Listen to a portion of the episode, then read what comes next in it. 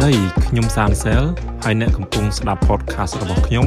So Random ជាធម្មតាខ្ញុំចូលចិត្តស្ដាប់ច្រើនជាងនិយាយតែពេលនេះខ្ញុំចង់នាំអ្នកមកស្ដាប់ពិភពរបស់ខ្ញុំអំពីគំនិតរាយប៉ាយនានាដែលកើតឡើងបន្ទាប់ពីការសមាធិរបស់ខ្ញុំខ្ញុំសង្ឃឹមថាអ្នកនឹងចាប់អារម្មណ៍ឬមួយក៏អាចយល់ថាមានប្រយោជន៍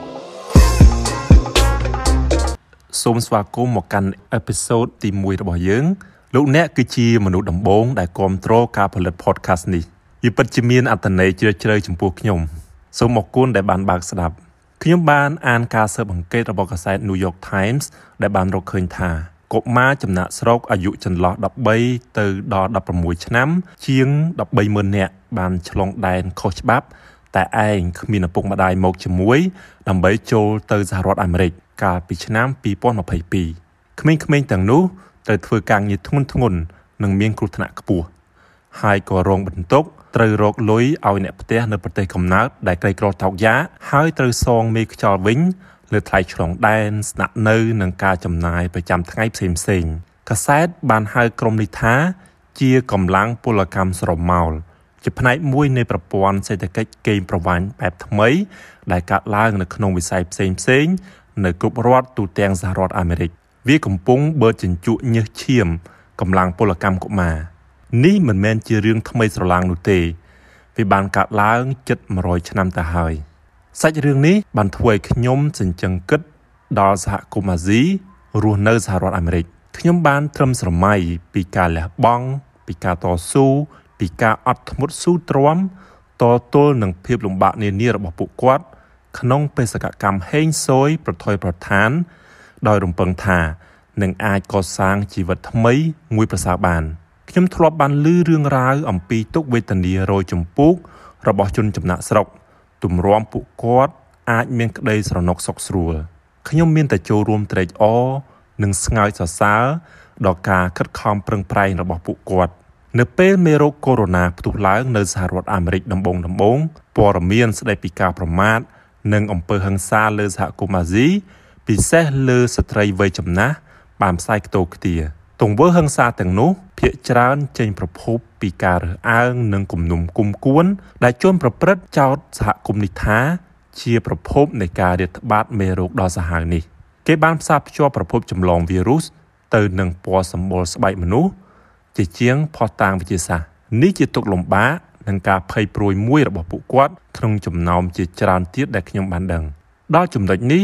ក៏ធ្វើឲ្យខ្ញុំឆ្លុះបញ្ចាំងពីជ្រុងមួយទៀតតាមរយៈទស្សនវិជ្ជា សិល្បៈភាពយន្ត Hollywood ហាក់ដូចជាទៅភ្ញាក់មកចាប់អារម្មណ៍ខ្លាំងលើសាច់រឿងរបស់ជនជាតិមានដើមកំណើតអាស៊ីនារយៈពេល4ឆ្នាំចុងក្រោយនេះ ភាពជោគជ័យរបស់ភាពយន្តមួយចំនួន បានធ្វើឲ្យ Hollywood ភ្លឺភ្នែកស្វាងចេះដូចជារឿង Crazy Rich Asians ដឹកនាំដោយ John M. Ju ចេញកាលពីឆ្នាំ2018រឿង Parasite ដោយប៊ុនជុងហូនៅឆ្នាំ2019 រឿង Minari ដោយ Lee Isaac Chung នៅឆ្នាំ2020រឿង Sang-chi ដោយ Destin Daniel Cretton នៅឆ្នាំ2021និងរឿង Everything Everywhere All at Once ដោយ Daniels នៅឆ្នាំ2022រឿងទាំងនេះតិចឬក៏ច្រើនបានផ្លាស់ប្ដូរការយកឃើញរបស់សង្គមអាមេរិកមកលើសហគមន៍អាស៊ីខ្លះដែរខ្ញុំសង្ឃឹមថា មានការគិតនិងវាតម្លៃប្រកបដោយភាពយុត្តិធម៌ និងអាចឆ្លុះបញ្ចាំងការពិតប្រសើរជាងមុនចំពោះសហគមន៍មួយនេះមានកូនមួយដែលមិនសូវមានអ្នកស្គាល់ហើយខ្ញុំសូមលើកយកមកអធិប្បាយសង្ខេបបន្តិចរឿងនេះមានចំណងជើងថា Spa Night រឿងនេះរៀបរាប់ពីខ្សែជីវិតរបស់គ្រួសារកូរ៉េចំណាក់ស្រុកមួយគ្រួ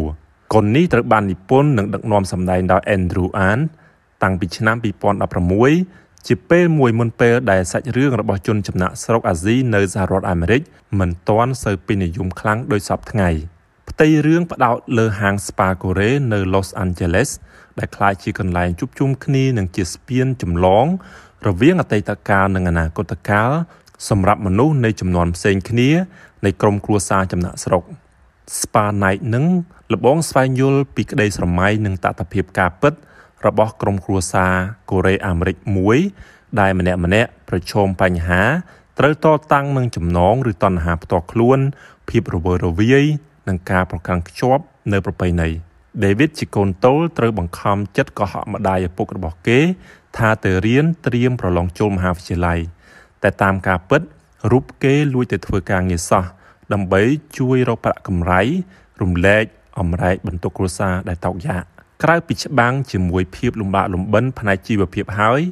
David ដែលស្ថិតនៅក្នុងគ្រួសារកាន់សាសនាកាតូលិកត្រូវប្រយុទ្ធដើម្បីអត្តសញ្ញាណនិងចំណងរបស់ខ្លួនឯងទៀតម្ដាយបញ្ជូនគេទៅស្នាក់នៅឯសាលាក្នុងក្តីស្រមៃរបស់គេ ដើម្បីពិនិត្យស្ថានភាពទូទៅមុននឹងចូលទៅរៀននៅទីនោះ គេស្នាក់នៅជាមួយមិត្តភ័ក្តិដែលស្គាល់គ្នានៅវិហារសាសនា នេះជាពេលរូបគេត្រូវស្វែងយល់ថារូបគេជានរណា David ត្រូវជ្រើសរើសយកផ្លូវមួយ រវាង គ្រួសារនិងអត្តសញ្ញាណអ្នកទើបបានស្ដាប់ So Random ប្រសិនបើអ្នកបានស្ដាប់ដល់ចប់សូមប្រាប់ពីការយកឃើញរបស់អ្នកមកកាន់ so random podcast@protonmail.com